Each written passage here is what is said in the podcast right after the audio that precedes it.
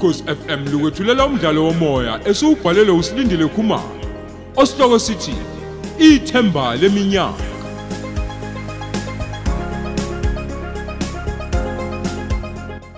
Lesi isiqebu sethu samashumi amathathu nantathu.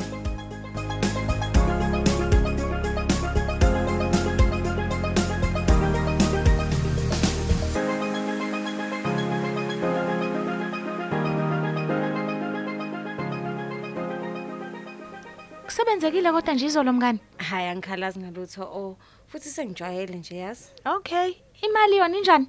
Ha ungiyeke ngemali. Yazi umuntu ucishe wayiphuthisela phela ngoba lokethu uyafunda. Hayi, kahle mngani.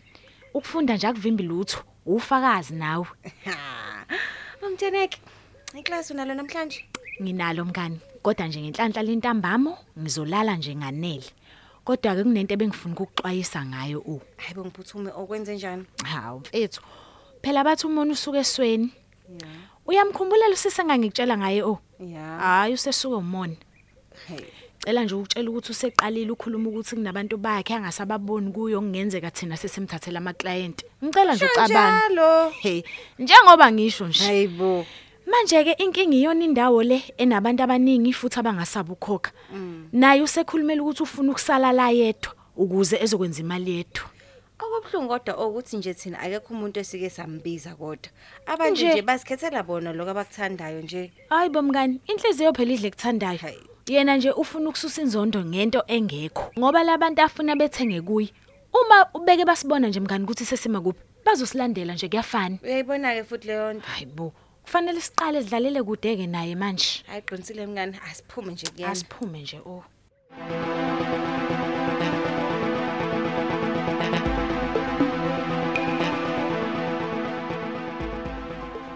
Eh usive ngathi usezongibangela ibhizi ke manje hayi ngiyamsola.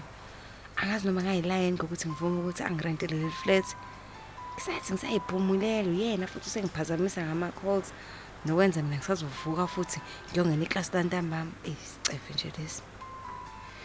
Hey ngeke. Ukuze aqhubeka ngirentele angivele ngiyibambe. Hello Sive. hayi ngaze ngafa inkumbulo yakho sithando sami iwu Hawu kodwa Sive besindawoni nje kuleli viki esisuka.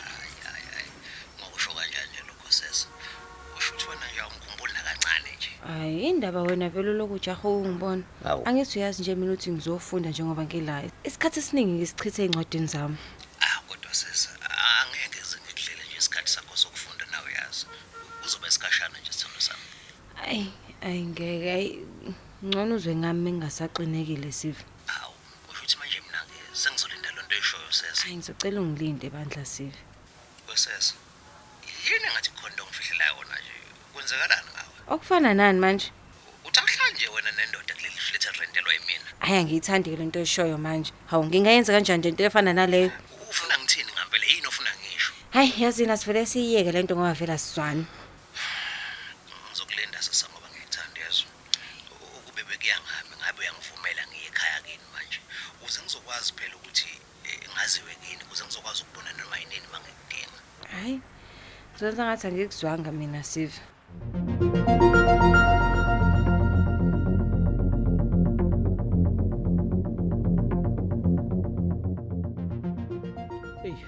angazi ukuthi isikhathi esiright yini kuyombona mfethu ufortunate. Ey, siyozama nje siyamfethu. Uma ngalungike namhlanje sophinde sizame futhi. Okwanamhlanje mfethu engakujabulele ukubona ingane yakhe. Ey, ngiyafisa mfethu. Ezwele ingane yakhe ke nje. Ayi ngoba mina ngizema ukungixolela ngiyazi. Alright kulungile uzosho ke Bram ukuthi ngijika kuphi. Ngiyacela mfethu usheshe ukhulume ngoba lo mgaqo unamajike eduze. Hayi, uzojikela lapha esandleni sokudla kule ya cross. Bese ke sizodlula nje imize emibili kuzobe sesifikile. Mhm, hayi. Kuyaphithizela nalo mgwaqo. Eh ingane zala mfethu hayi ziwuvanzi masiya hey.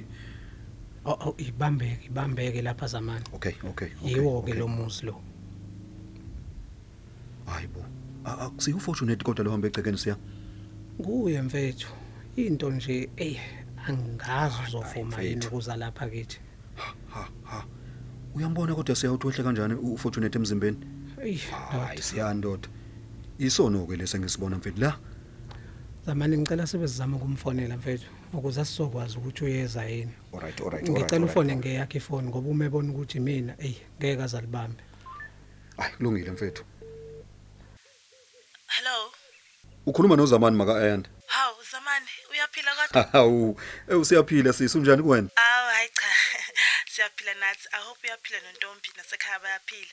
Kaze ngajabula ukukhuluma nawe. hawu kujabula mina fortunate ngilapha ngaphandle ekhaya kini ng- ngizokubona fortunate Hayibo, ubothi uyadlala Zamani. hawu awuyezwa ngithi uyangizwa ngithi ngidlalisa nanengane ngicela uphume ngempela a- a- awulunguze ngapha ngasesihlahleni Hayibo. Yazi ngithi uyangikhohlisa Zamani. Hawu ingane yami.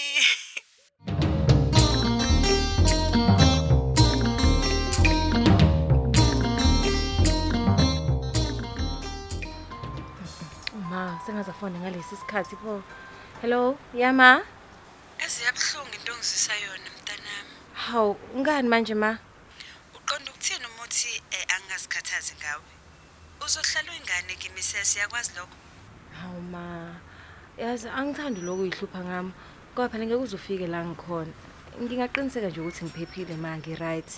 Ikuphi la ngeke ngifike khona? Ngisemsebenzini nje ma. Kodwa ukuthi kuphi nendawo ke cha ngeke ngikwazi ukusho. Hawu mntanami wawungazi ukhetha ukuhamba ngingekho pho. Hawu, ngangazi nje ma ukuthi wena ungeke uzovuma uma ngikutshela ukuthi ngithola itoho. Umbuzo wawuzongibuza wona ukuthi ngijahe phi ikole engakovula. Nami bese ngisibuza ukuthi uma isikhathi kaChristmas mase sifikile sinoma sizodlana. Vele sesa bayakhuluma abantu kumanje ukuthi wena uyangehlula. Kungani ukhetha ukuyosebenza ngesikhathi abantu bebuye emakhaya? Baqinisile nje ma. Kodwa umehluko ukuthi abantu ababuyayo ilabo abanemali abakade besebenza unyaka wonke.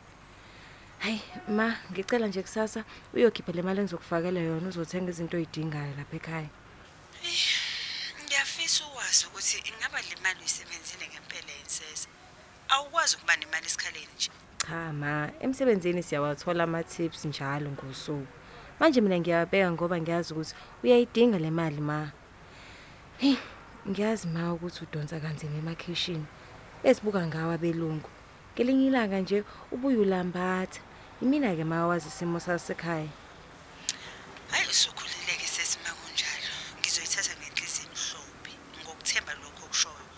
Ngoba sisi umi nokungcola. Siyokudla izintuthane emathuneni.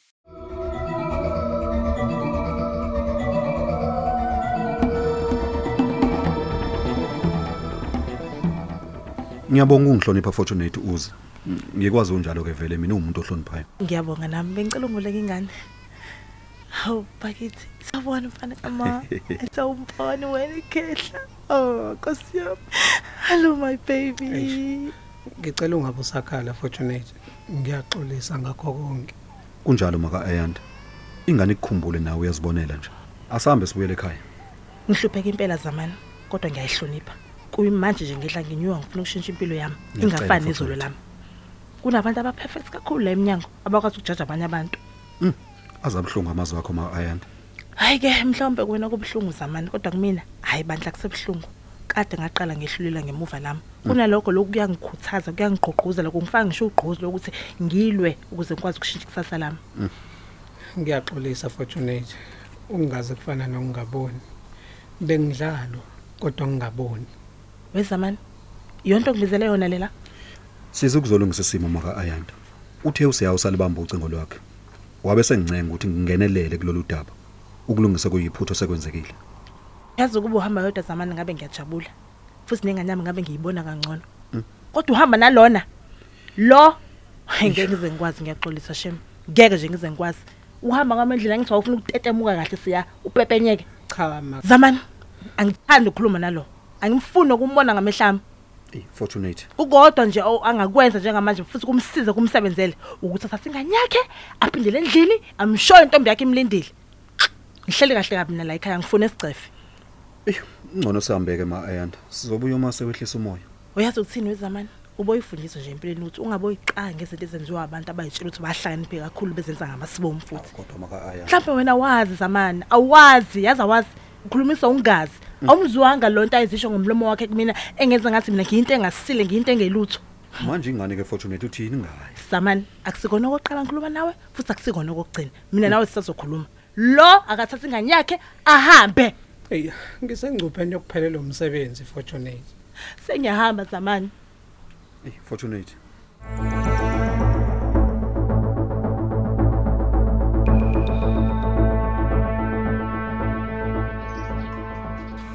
ngaze ngayilaya nganaso isicefe. Hello?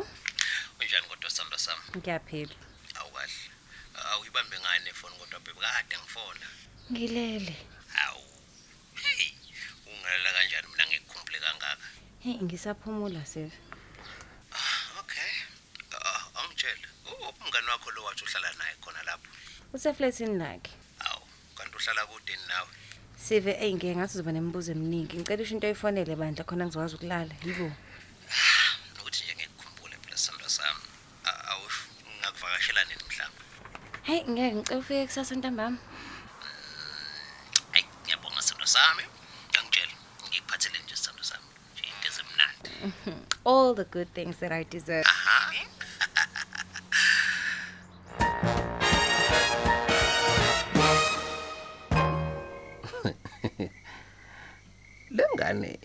inani ngempela hayi ngiyithanda kangaka kodwa.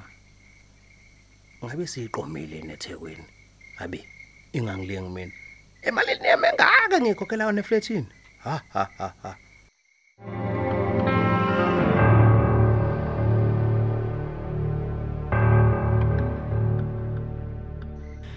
Yazi usesa ngeke akhule nje ukuthi um- umkhondo wakhe singolandele ngaze ngawuthola.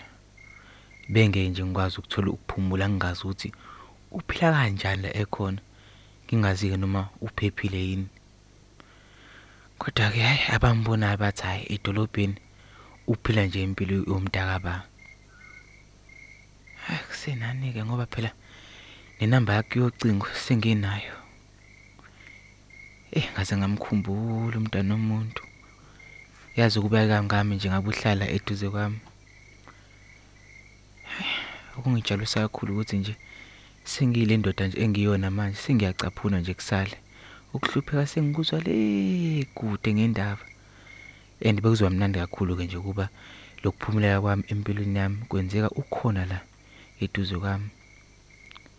Hayi kona ukumthanda hayi ak- akujiki. Noma ngaduka le ngiyomlanda ehlathini phela umuntu wesifazane uphi- ufanele ukuphila lempilo engiyiphilayo emnandi. And ngizomlandela ngiye ngifike la ekhona. Umfazi wami loya and ang- angizomfonela manje imvumo yokumfonela ngizoyithola kuyena